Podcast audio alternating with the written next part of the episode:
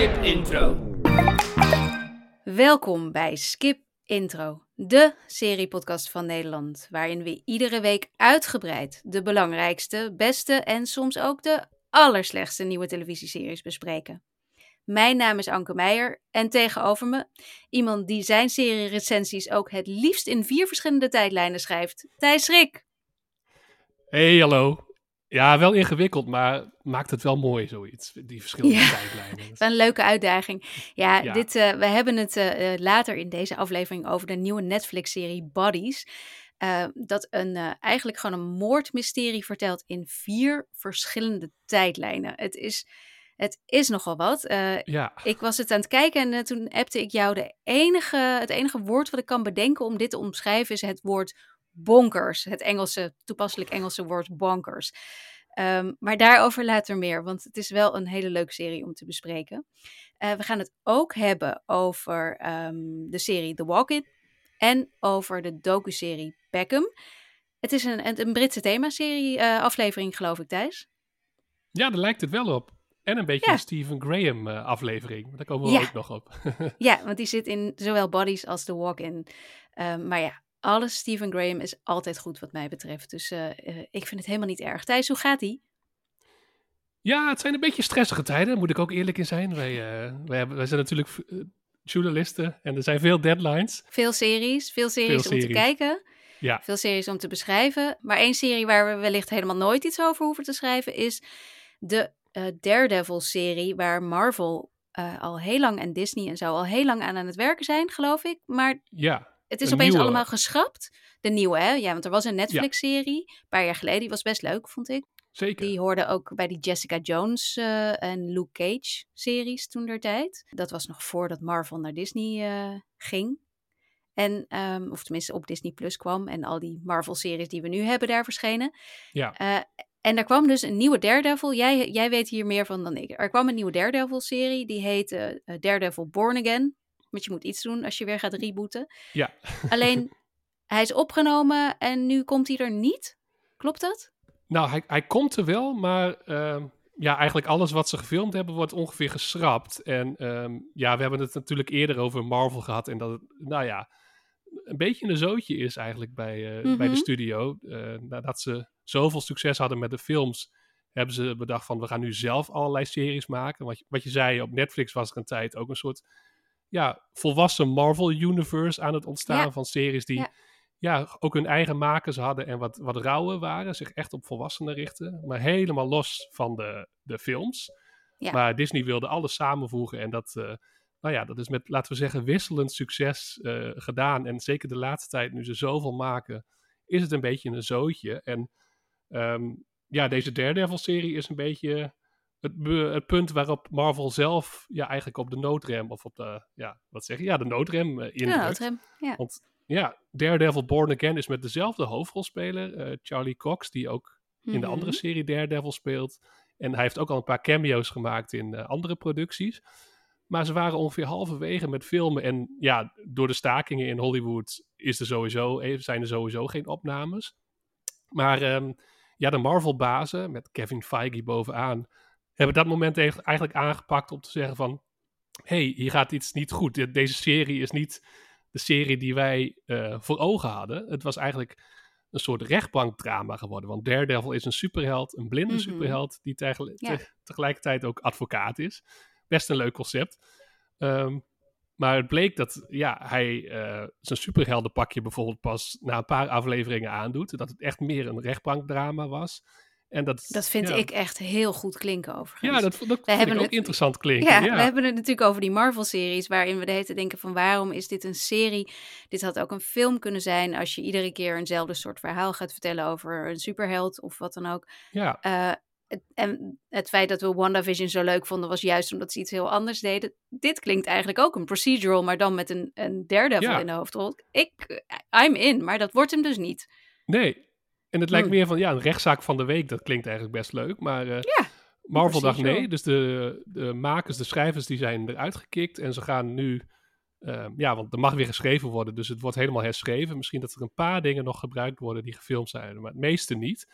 Ehm, maar dat, ja, het was onderdeel van een nogal verbijsterend artikel van de Hollywood Reporter, waarin ook staat van hoe Marvel tv-series maakt, is eigenlijk niet zoals anderen het doen.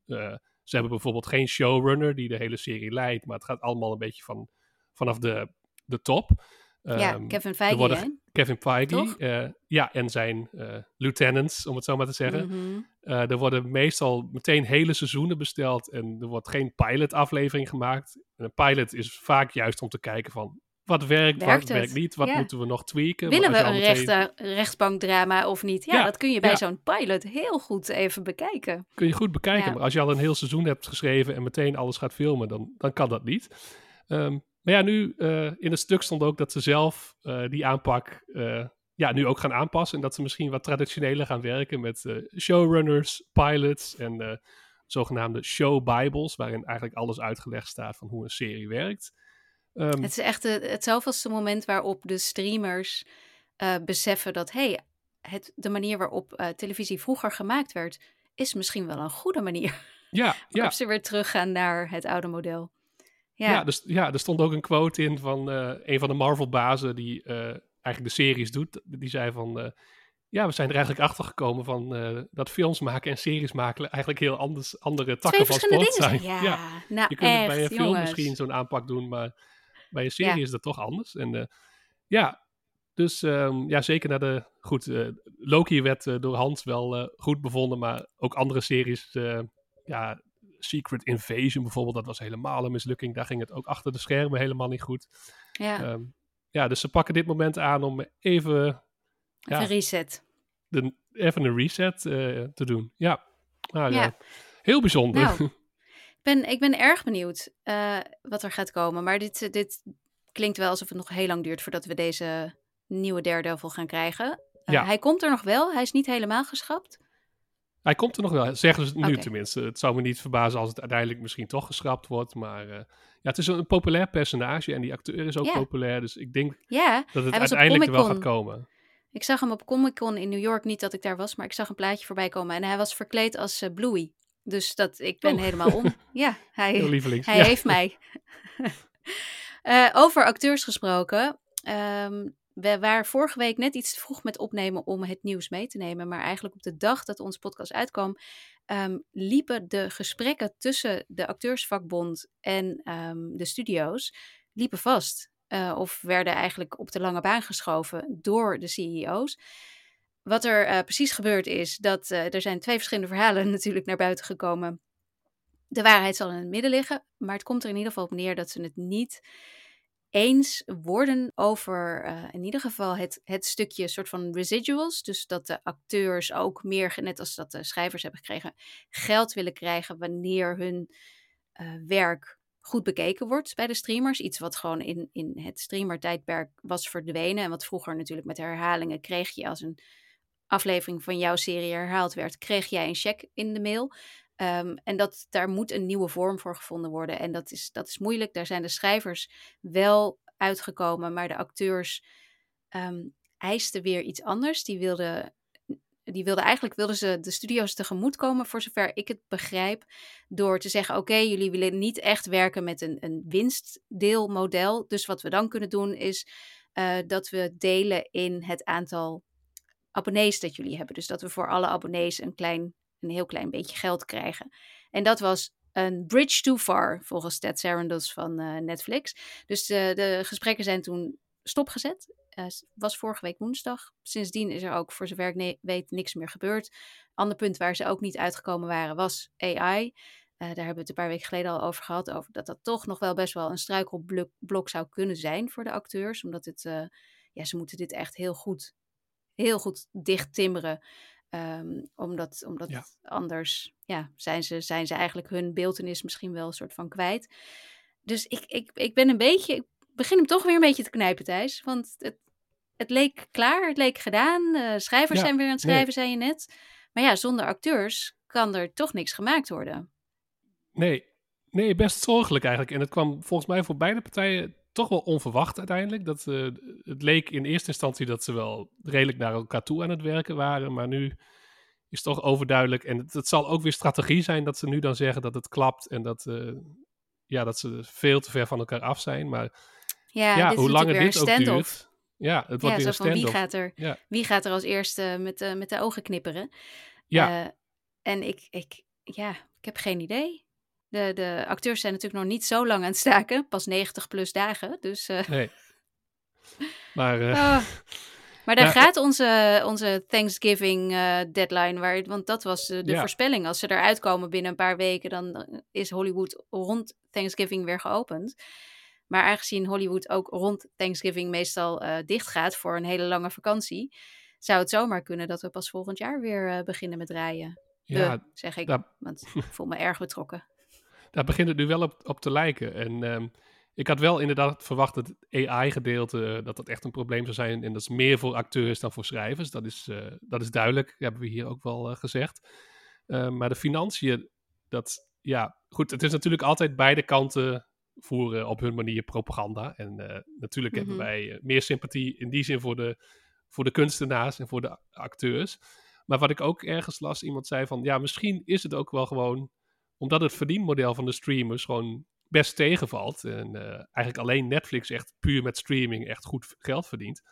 Misschien is het ook wel gewoon zo dat ze ja, eigenlijk niet durven toegeven hoe slecht de industrie ervoor staat. En dat ze de, niet aan de eisen kunnen voldoen omdat er gewoon te weinig geld verdiend wordt. En dan moet, moet hele Hollywood misschien helemaal op de schop. Dus eh, Ja, ja, het is Ze best, eh best kunnen zorgelijk. misschien niet hier. Ze Ze kunnen hier kunnen niet in mee, omdat er gewoon geen niet aan geld de eisen is. voldoen. Nee. Ah. Dat, ja, eh, dat is, is misschien nog zorgwekkender. Ja.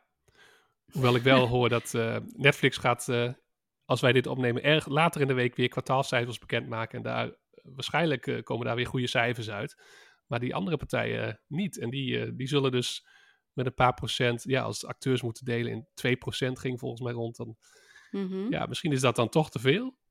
Ik, Ja, het kwam ja, op dat, dat 50 klinkt niet gezond. per. Ja. Nee, 50 cent per abonnee eh, kwam het uit. Zeggen Mm, ja. de, de, de SAG-AFTRA mensen.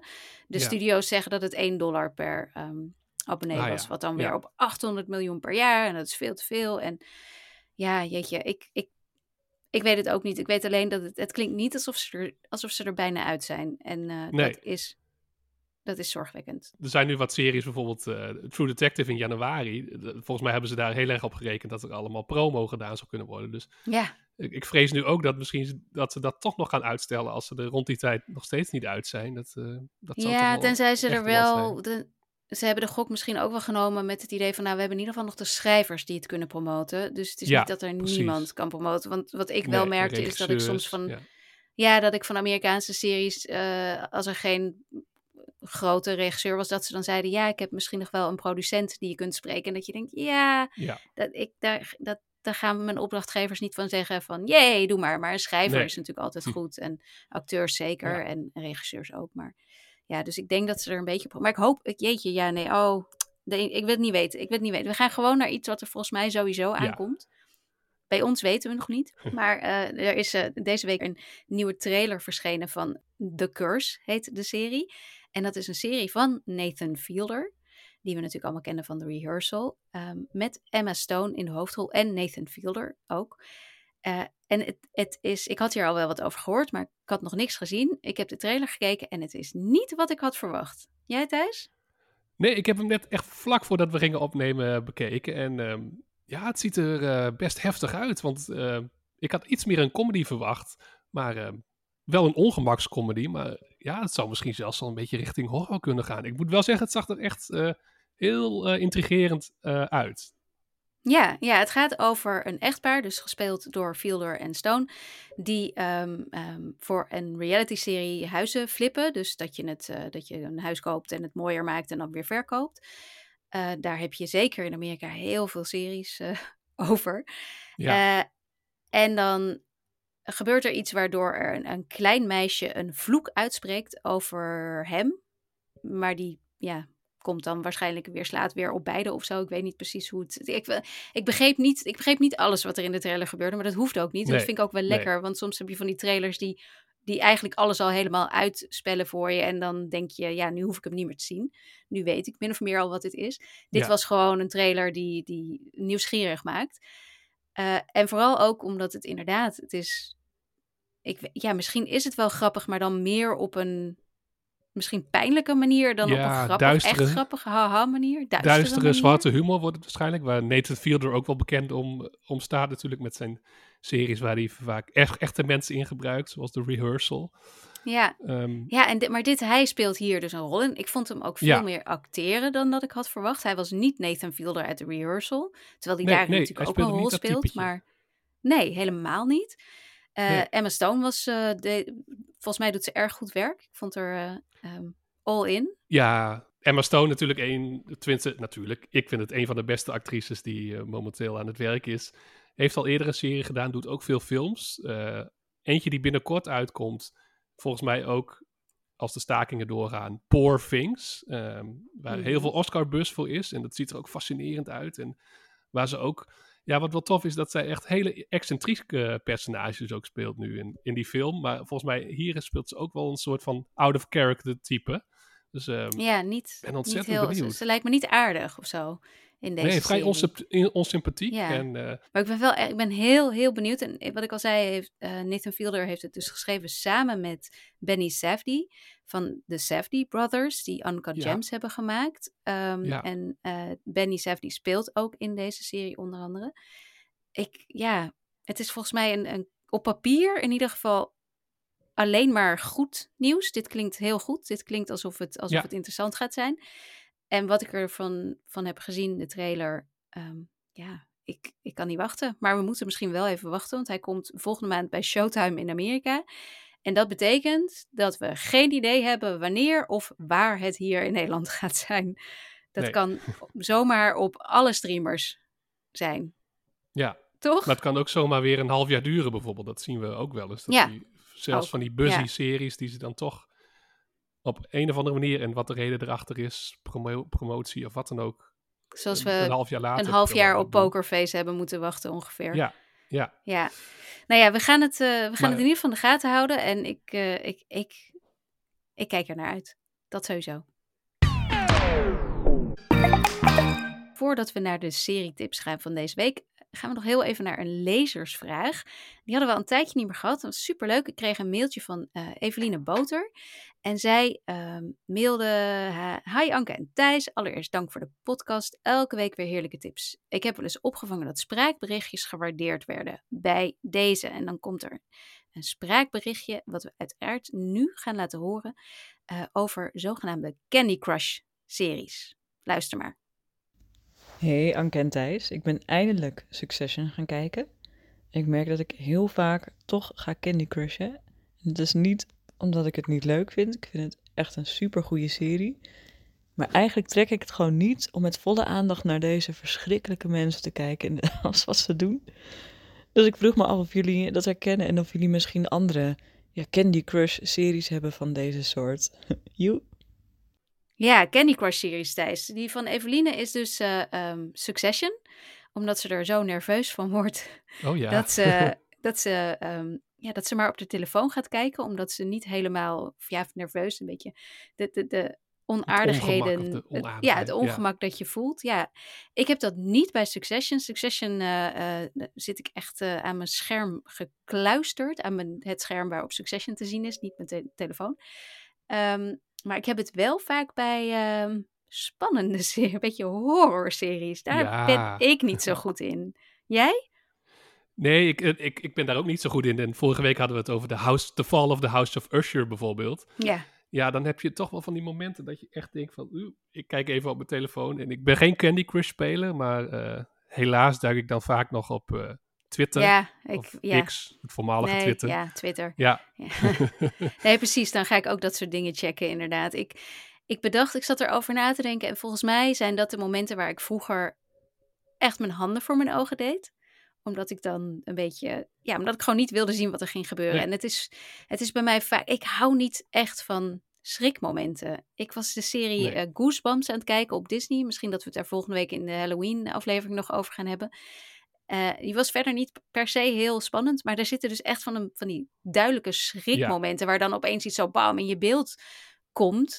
En dan voel ik dat in mijn buik en, ik, en dan wil ik, op dat moment wil ik dus mijn telefoon pakken, want ik, ik hou daar niet Ja. van. Terwijl ik, ja, ik had het ook een beetje bij Wolf laatst, die serie die ik heel erg leuk vond. Die vond ik ook bijna een beetje te spannend. Eh, Maar dan, ja, dan blijf ik, dan is het wel inderdaad zo'n moment dat ik op mijn telefoon ga kijken om Ja. er doorheen te komen. Want ik wil het wel verder kijken. Dus het is niet Ja. per se. Je hebt ook op je telefoon kijkmomenten omdat het gewoon niet interessant genoeg is. Die heb je ook. Maar dat, dat, bedoelt iets even te vaak. eh, nee. Ja, die heb je. Ja. Maar ik moet zeggen, ja, ik had het ook toch wel een beetje wat zij met eh, Succession had. Met de serie, nou, we hebben het net over Nathan Fielder gehad. Bij de rehearsal, daar Ja. wordt het soms ook zo ongemakkelijk dat je ook wel eens weg wil kijken. Of Daar, daar wilde ik ook inderdaad mijn handen voor mijn ogen doen. Absoluut. Ja, nee, nee, Ja. nee, nee, nee. Dat klopt, dat klopt. Ja, ik moet altijd heel hard lachen. Mijn, mijn eh, zevenjarige, die kan heel goed tegen spannende series. Niet te spannend natuurlijk, maar voor zijn leeftijd spannende series. Mm. Maar zodra het sociaal ongemakkelijk wordt, dus dat een kind gepest wordt of zo, zoiets, Oh ja. dan kruipt hij achter de bank. Dat is echt serieus. En dan denk, ik, dan denk ik altijd van wie heeft hij dat toch? Wat gek. Maar nu we het erover hebben, denk ik, oh ja, misschien heb ik dat zelf ook wel. Ja, misschien is dat gewoon heel menselijk. Ja, oh nee, ik kan ook heel slecht tegen eh, van die tienerseries waar iemand gruwelijk wordt gepest bijvoorbeeld. En eh, Hmm. ehm, echt depressief wordt en narigheid. Dat, eh, nee, Ja. niet fijn. Dan wil je ook is ook niet het even leukste. de Nee. andere kant op kijken. Maar ja, Candy Crush series. Dus ik vind het, eh, ik vind een leuke term. Eh, ik, eh, ik ben ook heel benieuwd wat jullie luisteraars voor Candy Crush series hebben. Dus deel het vooral met ons. Dan komen we er misschien nog wel op terug. Superleuk.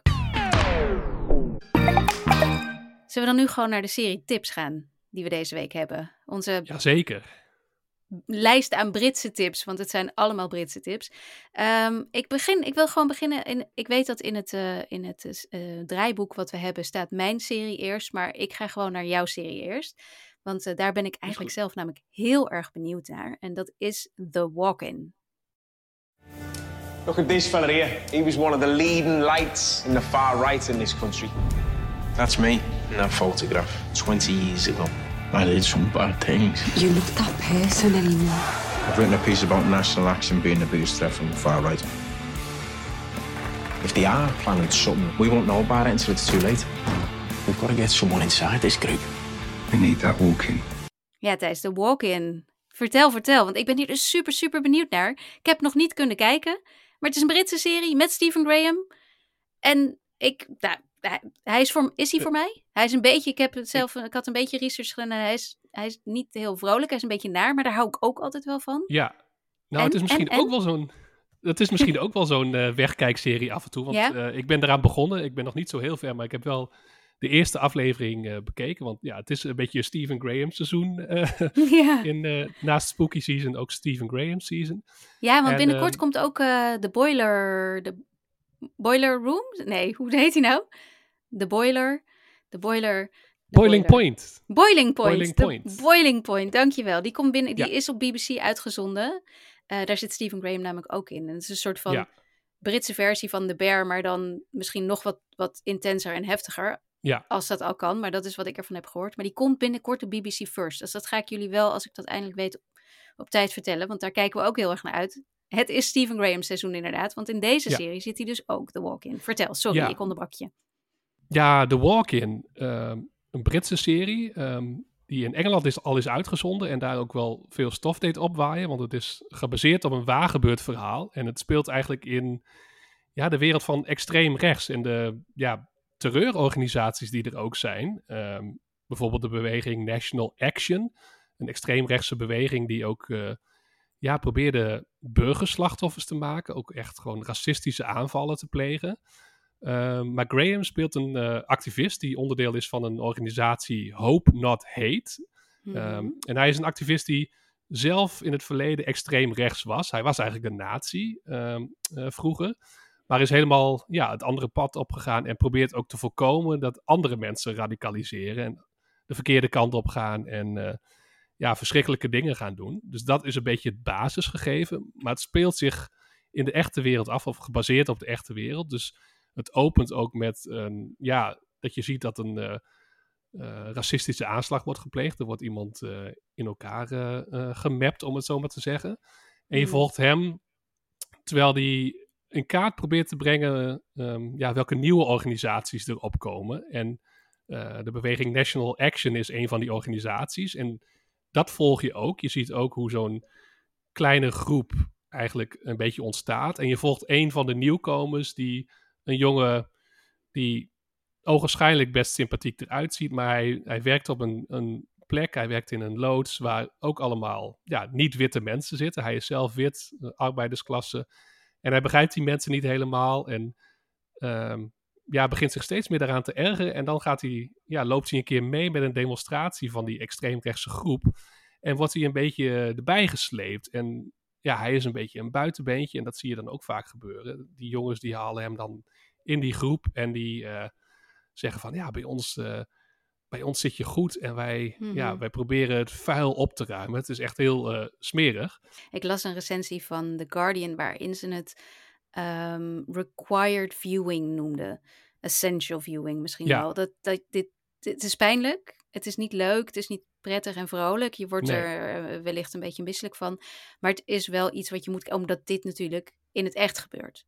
Ja. Dit is inderdaad, wat je zegt, gebaseerd op een, op een echt verhaal. Ja. Uh, en op iets wat, wat dagelijks natuurlijk ook uh, plaatsvindt. Ja, en het speelde een beetje op de achtergrond tijdens de, rondom de Brexit-periode, uh, zeg maar in de aanloop naar de verkiezingen van, van Brexit. Dus toen stond het land ook best wel onder, onder, onder ja. hoogspanning. Um, en daardoor komen ook allerlei ja, heftige uh, dingen aan bod. Er zit ook, en daar had ik misschien bijna moeite mee. Um, ik weet niet of jij dat nog kan herinneren, dat er uh, uh, rondom die tijd ook een politica is vermoord. Joe Cox op straat Ja. is die gewoon uh, Mhm. neergestoken. Ehm, en dat zit in de eerste aflevering, is dat ook een beetje soort van, ehm, wordt dat in beeld gebracht. Of tenminste, het wordt, netjes gedaan hoor. Het is niet zo dat het eh, voelt alsof ze iets uitmelken of als het... Het is, ook niet op die met- manier gruwelijk, zeg maar. Nee, het is, het is niet op die Ja, ja. manier gruwelijk, maar het is wel natuurlijk vrij dat heftig. hoeft niet, want het is al gruwelijk. Ja, ik las Ja. inderdaad wel dat, dat de, de tagline zeg maar, van deze serie is, of de, of de korte omschrijving is dat hij, eh, dus de, de persoon die Stephen Graham speelt, dat hij gaat infiltreren om een Ja. nieuwe aanslag op een politicus te voorkomen. Precies, daar gaat het uiteindelijk. Ja, en ja. dat zie je in de eerste aflevering eh, nog niet dat hij, in elk geval, je ziet nog niet dat hij infiltreert, maar daar gaat het wel naartoe, omdat hij die wereld wel goed kent en hij weet ook eh, hoe die daar binnen moet komen. Dus dat, dat gaat gebeuren in de serie. Dat, dat moet ik nog zien en daar ben ik heel benieuwd naar. Ja, en Graham speelt weer ontzettend goed. Ook gewoon een beetje zo'n zo'n nuchtere man die zich wel helemaal vastbijt in, eh, in, in zijn cause. En ehm, Mhm. uiteraard heeft dat ook effect op, want hij heeft een vrouw en kinderen. En wordt, wordt al bedreigd, ook al voordat hij eh, ja, nog dieper die wereld weer terug ingaat. Dus ja, ik, ehm, ik vond het eh, best wel lastig om naar te kijken, maar het is ontzettend goed gemaakt. En ik ga wel doorkijken, maar je, het begint bijna te knagen van... Oeh, omdat het ook nog vrij recente geschiedenis is. En Hmm, ja, ja. dan voelt het nog echt eh, vers. ja. Ehm, dus ja, een lastige watch, maar wel eentje die, eh, nou ja, wat ze dan ook eh, in Engeland zeggen, wel gezien moet hebben, denk ik. Ja, ja. En zeker. Nee, dat, ja, hoe die- dat vind ik ook. Een eerdere serie van Stephen Graham ehm, die ik erg goed vond is Time. Ehm, over een gevangenis waarin hij een gevangenisbewaarder speelt. Hmm. En het, eh, ja, een, een, mannengevangenis. En dat is allemaal best wel eh, ehm, intens ook. Ook wel heel met Sean Bean ook in een eh, eh, Oh hoofdrol. ja, ja. Ja, en dat was, dat was ook zo'n ook zo'n serie waarvan je denkt, die, die moet je gezien hebben. Gewoon om ook weer een stukje van de wereld te zien. Kijk, ik, mijn hele wereldbeeld is natuurlijk series. het wordt helemaal gevormd door wat ik op tv zie. En soms heb je van die series zoals de serie die ik ga bespreken, Buddies, waar ik niet zo heel veel uithaal. Wat gewoon puur vermaak is. En soms heb je van die series die inderdaad die wereld weer een stukje ja, verder inkleuren. Hopelijk Ja. correct. Eh, maar dit klinkt ook wel alsof het, alsof het inderdaad wel redelijk goed is aangepakt. En Stephen Graham is gewoon een, eh, een, een acteur die deze rollen heel, heel goed kan. Hij is gewoon heel geloofwaardig als een echt iemand of zo. Je hebt gewoon van die, Ja. veel, van die acteurs die een beetje te veel filmster zijn. Maar hij, hij is ook niet zo groot. Hij heeft ook een ontzettend accent. Tenminste, als hij dat, als hij dat los mag laten. Eh, en hij, ja, ik heb hem toen voor, voor Time ehm, ja, geïnterviewd, is een groot woord. Het was meer zo'n soort van groepsgesprek. En toen Ja. eh, zat zijn echte vrouw er ook bij, want hij is ook de vrouw die in de serie Time zijn vrouw speelde. Daar is hij ook in het echt mee getrouwd. En die twee waren echt hilarisch eh, samen. Dus Oh, hij is leuk. ook nog Ja. eens heel grappig. Maar meestal heeft hij wel best wel hele heftige, serieuze rollen, zoals deze. Ja. Ja, het, het is eh, wel een beetje ja, het seizoen van Stephen Graham. Het is spooky season en Stephen Graham season. Heel leuk. Nou, we komen zo weer op hem terug. Ehm The Walken is nu te zien op NPO Plus. Hij wordt ook op tv uitgezonden, maar ja, daar ben je dan waarschijnlijk al te laat voor als je nog niet begonnen was. Maar ja, we hebben NPO Plus, dus kun je hem lekker terugkijken. Ehm The Walk-in heet hij. Ja, mijn tip is dus ook Brits. Eh, en, eh, en, en een stuk vrolijker. Ehm, want het gaat over David Beckham. Het is de, de docu-serie Beckham. Tonight we bring you the story of how David Beckham became a global phenomenon. David Beckham, unstoppable. I never really did well at school because All I ever wanted to do was play football. My manager kept saying, try and keep it under wraps. So we would meet in car parks, and that's not as seedy as it sounds. Classy. I suppose that most blokes have looked at the television and said, like, uh, don't fucking end up with them. Over here, baby! my life had become something different. We were worried that he'd lose all what he'd worked for because football come first, and all of a sudden it wasn't. Okay, David. Big smile. It definitely didn't change me. Well, it changed. There's no doubt about that. Ja, ik, ik had er natuurlijk al, ik keek hier ook echt heel erg naar uit, omdat ik, ehm, ja, ik ben niet echt David Beckham fan, ook niet echt Victoria Beckham fan, maar ze zijn zo, ze zijn, die twee zijn larger than life en al zolang als ik soort van popcultuur volg, zijn zij daar een groot onderdeel van. Eh, ze zijn een beetje de, de, de eh, hoe heet het, eh, Taylor Swift en Travis, Travis, Travis Kelsey of zo heet die man? Ik weet het niet. In ieder Ik geval. moet het de even goed uitzoeken, maar hoe die heet. de want, eh, voetbalspeler waar zij nu ja. mee gaat en waar iedereen het over heeft. Nou ja, voor, ver, ver voordat Kelsey. Taylor Swift iets deed. Kelsey, toch? Ja. Ja. Ja, ver voordat Taylor Swift ook maar iets deed, had je natuurlijk eh, David en Victoria al. En de Netflix-serie, eh, documentaire serie, die staat, wordt ook hartstikke veel bekeken. Dus misschien dat iedereen die nu luistert denkt, oh dankjewel voor de tip, Anke, dat hadden we al een tijdje terug gehoord. Voor de mensen die hem nog niet hebben gezien, ik ben er ongelooflijk van aan het genieten. Ik heb pas één aflevering kunnen kijken, omdat ik zoveel andere dingen op dit moment moet kijken, dat ik er niet meer aan toe kom. Maar dat is niet omdat ik niet verder wil kijken, want ik vind het echt heel erg leuk. Eh, de serie volgt, of nee, hij volgt niet Beckham, want zijn hele carrière, maar hij laat Beckhams hele carrière zien. Eh, waaronder natuurlijk ook zijn carrière als de man van Victoria, eh, maar ook het begint met zijn voetbalcarrière, dat kleine mannetje wat dan dag in dag uit aan het voetballen is in zijn eigen tuin, zeg maar. Ehm, ik wist trouwens eigenlijk niet dat, dat hij zo'n goede voetballer was. Dat was al compleet overschaduwd door alles wat er verder in zijn leven is gebeurd, zeg maar. Maar eh, het is heel leuk om te zien. En het allerleukste vind ik aan deze serie is dat hij dus door Fisher Stevens is gemaakt. Een acteur die wij kennen als Hugo uit Succession, waarin hij ook ieders favoriet is ongeveer. Eh, hij regisseert ook, wist ik niet, maar hij regisseert ook. En hij heeft dus deze docuserie gemaakt. En dat heeft hij dan weer gedaan op aanraden van Leonardo DiCaprio. Want Hollywood is heel klein. Wauw. Ja, want Leonardo, Leo en David zaten op een, eh, op een moment eh, samen te kletsen. En toen zei David van, hé hey Leo, ik, eh, ik ga een eh, documentaire maken voor Netflix. Wie zal ik daarvoor vragen om te regisseren? En toen zei eh, Leo, oh, dan moet je Fisher Stevens hebben. Dus zo is dat gegaan. Dat, zo heeft Fisher Stevens dat verteld. Ik was er niet bij, maar zo kan ik me dat voorstellen. Maar wat een kleine wereld is Hollywood, toch? Uh, en uh, het feit dat Fisher Stevens niets van voetbal weet, omdat hij een Amerikaan is, uh, weinig van David Beckham weet en Victoria Beckham ook, maakt, dit, maakt het extra leuk. Want hij stelt grappige vragen of opmerkingen. Er vallen hem natuurlijk dingen op die, die mensen die de Beckhams goed kennen niet direct opvallen, maar die wel weer leuk zijn om te horen en zo. En je hebt natuurlijk dat, dat fragment, dat heb je vast al gezien, wat voorbij is gekomen. Het fragment, ja Het zeker. fragment. Dat Posh vertelt dat ze uh, ook Niet van een was. working class uh, familie komt, dat ze uit de arbeidersklasse komt. Ja, waarop hij zegt, Maar tell the truth, tell the truth. Ja, echt heel grappig, omdat ze dus blijkbaar in een Rolls Royce door de vader naar school werd gebracht. Dus dat, eh, dat, dat, eerste, of dat fragment zit ook in de eerste aflevering. Maar dit, ja, er zit zoveel meer. En die twee zijn best openhartig. Ze zijn, eh, ehm, ze zijn erg grappig. Veel grappiger dan dat je denkt dat ze zijn. En ik vond het vooral heerlijk nostalgisch. Eh, naar de jaren negentig natuurlijk. En, eh, en ook Hmm. op en top Brits weer. Ik heb er even Danielle Kliwon, eh, vriendin van de show. Die, die heb ik er nog even naar gevraagd. Want die heeft alle afleveringen al gekeken. En ze zei dat ze het echt een van de betere docuseries, sportdocuseries ja, van de laatste tijd vond. En dat ze vooral ook de laatste aflevering fantastisch had gevonden. Dus ik kan niet wachten om door te kijken. Ik heb er echt heel veel zin in. Ja. Dus uh, dwingende kijktip. Jij moet ook. Ja, ik, uh, nou, mijn kijklijst is ook heel groot. Maar uh, wat ik hoorde van juist een voormalig sportredacteur die voor NSC over de serie heeft geschreven. In Bart, opdracht van mij. toch? Bart Hinke. Bart Hinke. Ja. Um, voor hem was het ook, hij vond het ook heel goed. Dus het is, dat is heel knap. Dat het voor mensen die niks van Niets, voetbal weten ja. interessant is. En meer de popculturele blik hebben.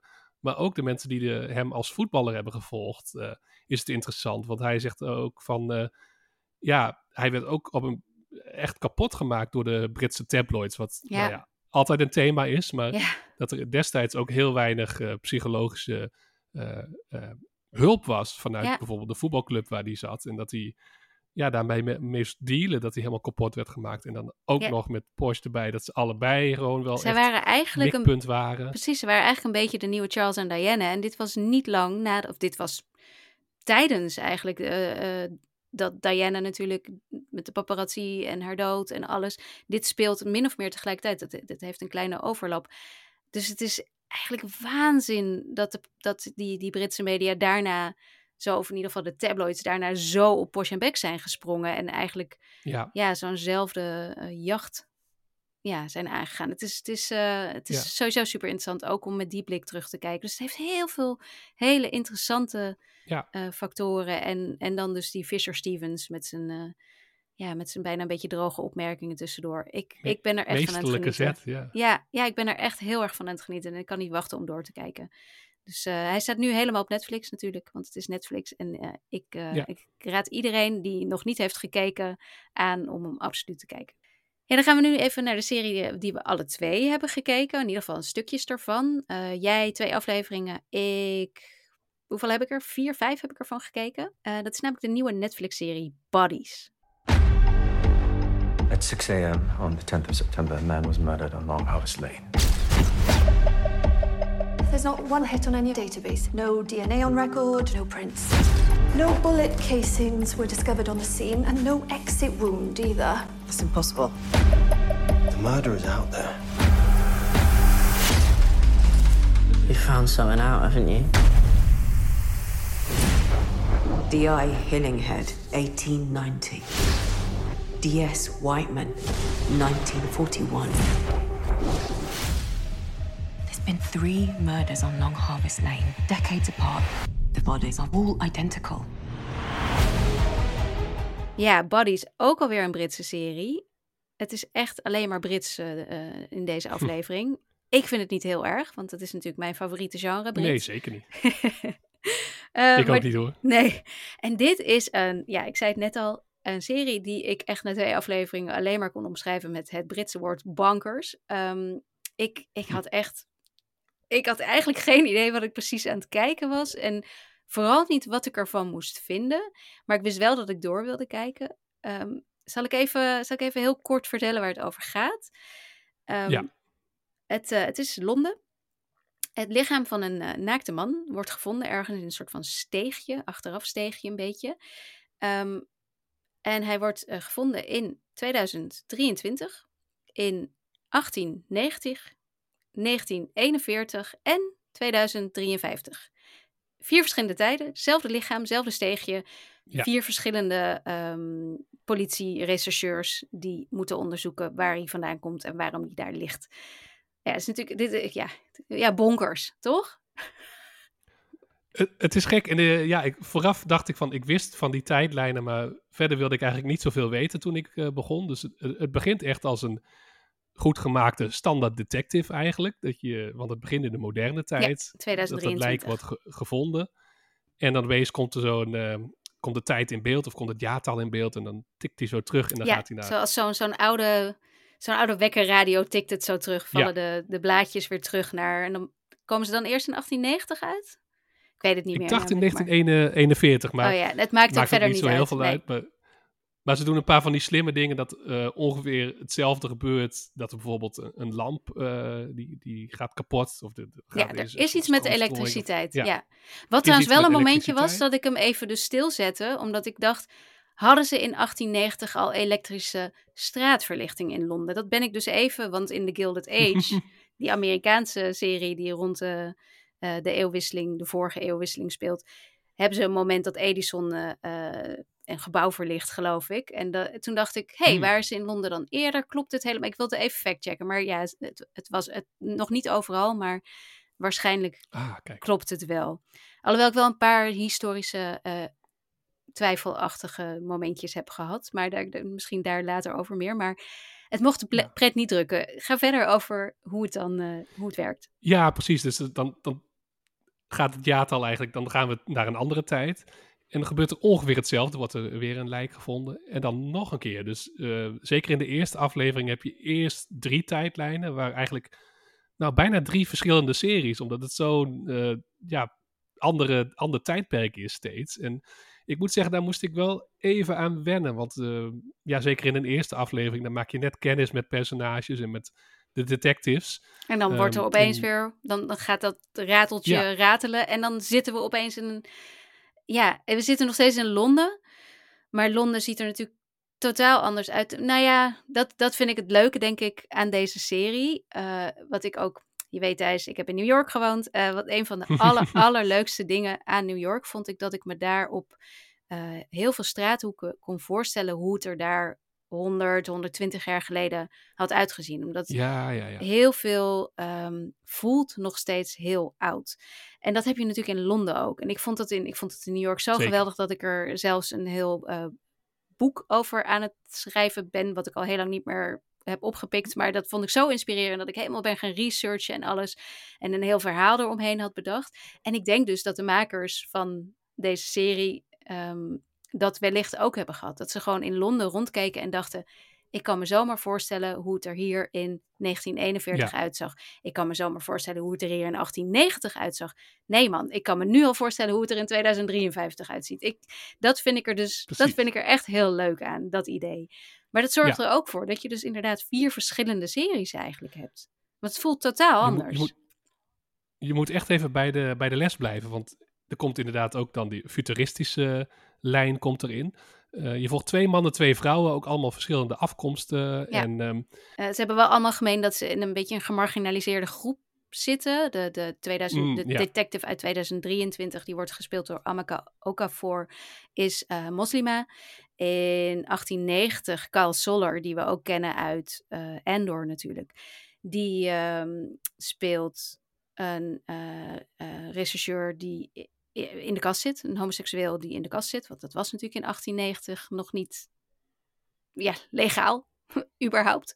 nee, Eh, nee. en dan in 1941, die, die eh regisseur wordt dan weer gespeeld door Jacob Fortune Lloyd. Eh, en hij is een Joodse man in de Tweede Wereldoorlog. Daar Mhm. nou waren ze ook in Londen, konden ze daar heel naar over doen. En dan in de toekomst, 2053, is Shira Haas, die we van Unorthodox kennen. En ik weet nog niet helemaal precies hoe zij... Ze heeft in ieder geval... Er, er is iets met haar. Ik, ik denk dat we me niet moeten spoilen wat. Maar er Nee. is ook iets met haar wat haar weer anders maakt, tussen aanhalingstekens.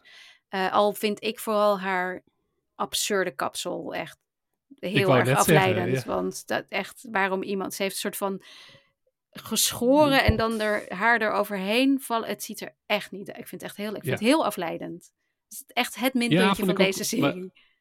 Ik dacht van misschien is dat dat ze denken van dit is een haarstijl die in, in die tijd eh, populair wordt of zo. Dat nou, ik hoop het toch zou even kunnen, niet, maar eh, het, het, het leidt een beetje af inderdaad. Eh, hoewel ik die lijn wel, die deed me een beetje denken aan Black Mirror heeft natuurlijk ook veel afleveringen gehad die een beetje semi-futuristisch zijn, maar ook veel op onze echte tijd lijken. En dat, daar deden we ook een beetje aan denken, die, die lijn. Als in dat het niet te Ehm, ver gaat. Niet te ver en dat, dat je kunt zien van, oh, dit, zo zou het ook kunnen worden. Dus de, bijvoorbeeld de auto waar ze rondrijdt is nog geen zwevende auto of zo, Nee. maar gewoon dus elektrisch eh, iets en iets eh, strakker en eh, moderner dan, dan nu, maar ook weer niet iets wat, wat uit het zomaar ergens vandaan komt, lijkt het. Dus ehm, ik moet zeggen, ik, ik vond het heel intrigerend. Ik heb twee afleveringen gezien. Voelt nog wel steeds meer als een heel interessant idee en iets wat ik kan waarderen dat ze dit zo hebben aangepakt. Maar ik weet nog niet helemaal wat ik ervan moet denken na twee afleveringen. Nee, nee, ik, ik snap wel. eh, ik snap, dat had ik ook na twee afleveringen. Dat was het moment waarop ik bonkers naar jou eh, appte. Ja, Ik ben dus zelf inmiddels al een stukje verder. En die eerste aflevering had ik heel sterk het idee dat dus alle vier die series, die, die eigenlijk de- vierde verhaallijnen moet ik zeggen, of tijdlijnen, dat het echt aparte series waren. Ehm, je hebt echt de, de, en dan allemaal wel in het, in het Britse crime drama genre, zeg maar. En dan heb je dus Ja. eentje met bolhoedjes eh, en paarden, koetsen met paarden. En dan eentje wanneer de bommen vallen in Londen tijdens de Blitzkrieg. Eh, en dan eentje in onze tijd, waar je eh, Ja. dreiging van extreem rechts, daar hebben we hem weer, en terrorisme en dat soort dingen hebt. En dan eentje in de toekomst waar ja, dingen spelen die we verder maar niet te veel zullen verklappen. En die ik ook nog niet helemaal begrijp na vier, vijf afleveringen. Ehm, maar nu kom ik dus, nu ben ik op de helft, want het is een miniserie. En volgens mij hebben ze acht afleveringen, als, als ik goed heb Acht, gekeken. ja. ja. Dus ik ben op de helft en nu beginnen de verhaallijnen eh, in elkaar te klikken. Het wordt een soort van, Mm. het, alles wordt een beetje samengevlochten. En dat voelt wel bevredigend, moet ik zeggen. Dus ik, ik, Oh, hoe het gaat uiteindelijk, zeg maar, of het allemaal lukt, of het uiteindelijk ook staat, of het niet echt uiteindelijk compleet bonkers, maar dan op een verkeerde manier gaat zijn, dat weet ik nog niet. Ja. Maar tot op heden, ja, ik begint me wel, ik, ik merk, ik, volgens mij ben ik een beetje erin getrokken. Ja, denk het wel. Ik, ik Oh, denk dat ik gewoon ja. een beetje enthousiast wil zijn, omdat ik het gewoon zo gek vind. En zo'n spannende, leuke, ja, ik vind het echt een beetje, ik, ik, ik- ze durven. En dat eh, waardeer ik wel. Zeker voor een Netflix-serie. Ja, er, er worden zeker risico's genomen. En wat ik las is dat het, het is wel gebaseerd ook op een graphic novel. Dus een strip oh ja, dat, volwassenen, dat heel geloof ik wel. Ja, dat geloof ik wel. Ehm, dus die, die vibe kreeg ik er ook wel bij. Want het is ook eh, best gory en best eh, gewelddadig af en toe. Er zitten van die scènes in dat je denkt van... Oeh, nou, ze gaan er echt eh, volledig voor in. Ze Candy Crush momentje of viel het wel mee? Ja, ja, zeker. Er zit zeker een Candy Crush momentje in. Als er, nou, ik, ik zal niet zeggen wat het is.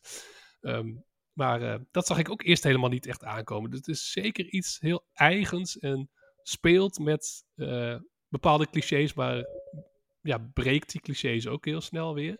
Dus ik ga zeker doorkijken. Ik ben ook benieuwd waar het uitkomt, want dat is ook wel, er zit natuurlijk een soort mysterie achter. En ja, zoiets kan ook helemaal van de rails Ja. vliegen of heel... eh, Zeker. ja, dat het uiteindelijk niet helemaal logisch blijkt en dat het, het beginpunt interessanter is dan het eindpunt. Maar tot nu toe, eh, ja, zeker interessant. Ja, ja, en nou ja, en dus Stephen Graham. We hebben hem al heel veel genoemd deze aflevering, maar die zit hier ook in. Ehm, ik kan niet echt uitleggen wat voor rol die heeft, omdat dat eh, ehm, eigenlijk te veel weggeeft. Ik kan zelfs jou niet helemaal vertellen wat voor rol die heeft, ook al heb je al twee afleveringen gezien. eh, omdat ik het ook niet voor jou wil spoilen. En eigenlijk weet ik het ook nog steeds niet, want ik ben misschien wel een paar Nee. afleveringen verder, maar ik heb ook nog steeds geen idee. Eh, maar hij zit er wel in en dat is ook altijd goed. Ik moet heel erg zeggen dat ik Shira Haas was niet zo, ben ik niet zo van overtuigd. Die, ja, in Unorthodox was natuurlijk iedereen erg enthousiast over haar altijd. Maar ik, ik vind haar de minste. Maar dat is misschien ook dat gekke kapsel hoor. Jeetje mine. Dat zou, dat zou kunnen. Ja, ik vond haar degelijk spelen, maar ehm, nog niet dat je zegt van nou, dit, eh, dit raakt me echt. Nee, dat niet. Nee, nee, misschien komt het nog. Maar ik heb, ik heb een paar recensies gelezen van, eh, en, en daar waren ze wel enthousiast over haar. En ik ga ervan Ja. uit dat die de rest hebben gezien. Dus misschien komt het inderdaad nog. Maar echt dat kapsel, jongens, jongens. Ik snap Hm. het niet. Maar ja, het is dus eh, ja, bonkers. eh, maar wel... eh Bankers. Bankers, maar wel iets... Dat is eh, een liedje van Dizzy Rascal. Oké, kennis. bankers. Is Dizzy. Rascal ook Brits? Ja, toch? Ja, zeker. zeer precies. Brits. Dat Ja, was het een is toch grote echt- festivalhit eh, een jaar of tien geleden. Ja, het is echt een Engels woord, toch? Ik, eh, bankers. Ja, ik weet niet Ja. waarom. Ik, het was echt het enige wat ik gewoon, omdat ik het... Ik vind het zo wild allemaal. Ehm, maar ik hou er wel van en ik ben erg benieuwd. En misschien inderdaad spat het allemaal uiteen op het laatst. Of loopt het juist af met Ja. een soort van hele gekke sisser. En ik, ja, er zitten ook er zitten genoeg dingen in die totaal ongeloofwaardig zijn. Hoor. Echt meer dan genoeg. dus het is niet, dit gaat niet, Ja. ik weet nu al, dit wordt niet eh, een van mijn beste series van het jaar. Dat zeker niet. Maar het wordt misschien gewoon wel een van de meest vermakelijke. Dat, dat zou zomaar kunnen. En wat, eh, een van die historische onjuistheden waar ik een beetje over viel, is dat ehm, die regisseur in de jaren 40 dus de lampen aan heeft, terwijl eh, de Luftwaffe over Londen aan het vliegen is en bommen aan het werpen is. Nou, sorry, Hmm. maar volgens mij moest je echt al je lichten uitdoen in die tijd. Dus dat, en ook met de auto met lichten aanreed. En dat ik dacht, ja, het ziet er misschien beter uit op het scherm. Maar dat is niet waar, want ik heb genoeg historische series gezien om te weten dat dit niet zo was. Maar ja, dat, dat is dan ook weer echt totale bullshit natuurlijk. Dus het is geen, het is geen perfecte serie, maar ja, ik, uh, ik, volgens mij is het een heerlijke binge, kan ik me zo voorstellen. Ik denk het ook, ja. Maar ik denk ook dat sommige mensen, maar het gaat snel genoeg, uh, merk je of het voor jou is. Want uh, als er in een soort hoofd wordt geschreden, laat ik het toch maar even zeggen. Mm -hmm. En daar moest ik echt even wegkijken. Want oh, dat was jou. ik zat te denken. Autopsies in, ja. Dat was het Candy Crush moment. Van, ja, oh, die was wel jee, intens inderdaad. Dat... Ja, ja, ja, dat, ja. Dat was de 1890-autopsie, een... hè? Waar ze het gewoon ook zo ja. een soort van doen. Ja, ja. Er wordt getoond uh, hoe ze in de verschillende tijdperken ook met een lijk omgaan. En uh, daar gingen ze, laten we zeggen, iets minder subtiel ermee om. En uh, ja, dat was... Dat was wel even pittig. En toen zat Thijs even te Candy Crushen. Nou jongens, hij staat vanaf donderdag op Netflix. Dus nog een dagje wachten als je op tijd luistert. En als je in het weekend luistert, dan kun je meteen aanzetten en genieten. Ofwel denken, dit is echt te wild voor ja. mij, laat maar zitten. Um, ik ben ik benieuwd ga... naar de reacties, want het Ja. is, is een love it or hate it kan het worden, ja. Ja, ja, maar ik vind het voor Netflix, wat altijd eh, toch een beetje te braaf zit. Of ik heb vorige week natuurlijk een beetje afgegeven op Lessons in Chemistry. Ik heb al wel van mensen gehoord Ja. die er wel van aan het genieten zijn. Ben ik oprecht heel blij om, want niets leukers dan een fijne Tuurlijk. serie. Maar waar ik daar heel erg over viel, was dat het, dat het allemaal net iets te net was, wat mij betreft. Iets te braaf, iets te veel, soort van cliché wat we al kennen. Ja. Dan is dit natuurlijk gewoon lekker ja, we doen maar wat. Of ah, nee, niet we doen maar wat. Ik denk dat er goed over nagedacht is. En het is vast met allemaal van die rode lijntjes helemaal uitgetrokken op een prikbord. Zo van we gaan Ja. van die verhaallijn naar dat verhaallijntje en weet ik veel wat. Maar voor mijn gevoel is het gewoon, we hebben spaghetti tegen de muur gegooid en kijken wat er overblijft. En ik vind het, ik vind het leuk. Ik vind het leuk. Ja, ik ook. Ik, tot nu toe waardeer ik het meer dan dat ik zeg van dit is fantastisch. Maar inderdaad, we zijn, ik ben nog, eh, nog lang niet op het eind. Dus we gaan het zien. Yes, misschien komen we er nog op terug. Oké, nou dat was hem wel weer eigenlijk, eh, Thijs. Ik, eh, ik heb nog wel een hele leuke mededeling. Komende vrijdag staat voor onze eh, lieve patrons weer een gloednieuwe aflevering van de Teletijdmachine online. En wel dit keer met Danielle Kliwon. En die heeft mij een, een uitvoerig geschiedenislesje over The OC gegeven. En dat was hartstikke interessant meerdere dingen die ik echt absoluut niet, eh, niet wist. En natuurlijk een aantal dingen waarin je gewoon weer heerlijk nostalgisch kon worden. Eh, wat ook was natuurlijk bij onze eerdere afleveringen over Band of Brothers en The Simpsons. En die staan, eh, die staan al op Patreon en die kun je daar dus luisteren als je ons steunt. Dat is dus exclusief voor onze leden. Ook exclusief is dat je deze reguliere aflevering altijd een dagje eerder krijgt dan de normale mensen. Verder eh, vergeet ons, niet ons te volgen op Twitter, Instagram en Blue Sky. Daar zijn we ehm, nog steeds, wat zijn we daar ook alweer? Skip Intro NL. Ik zou toch denken dat ik het ondertussen wel wist, maar nee hoor. Eh, en je kunt natuurlijk lid worden van onze Facebook groep. En dat is eh, tegenwoordig dus een privégroep, want ja, iets te veel spam. en ehm, nou ja, je kunt hem vinden en dan moet ik je geloof ik weer goedkeuren. Maar dat, dat zal ik toch wel doen, tenzij je eruit ziet alsof je gekke dingen gaat posten. Eh, je kunt ons ook mailen via podcastskipintro.gmail.com. En we zijn dus eh, hartstikke blij, zeker ook met voicemailberichtjes, of, of voiceberichtjes, niet voicemailberichtjes, voiceberichtjes. Ehm, zoals we vandaag hadden gehad van Eveline. Eh, dat kan inderdaad een vraag zijn, maar het mag dus ook nog steeds een ehm, archiefkast zijn waarin je een eigen serietip met ons deelt. Een, een oudere serie bijvoorbeeld, waarvan je denkt, waarom hebben ze die nog steeds niet besproken? Kennen deze mensen deze geweldige serie niet? Laat het vooral weten. Stuur het op via podcastskipintro.gmail.com. En verder laat iedereen weten dat je naar onze podcast luistert.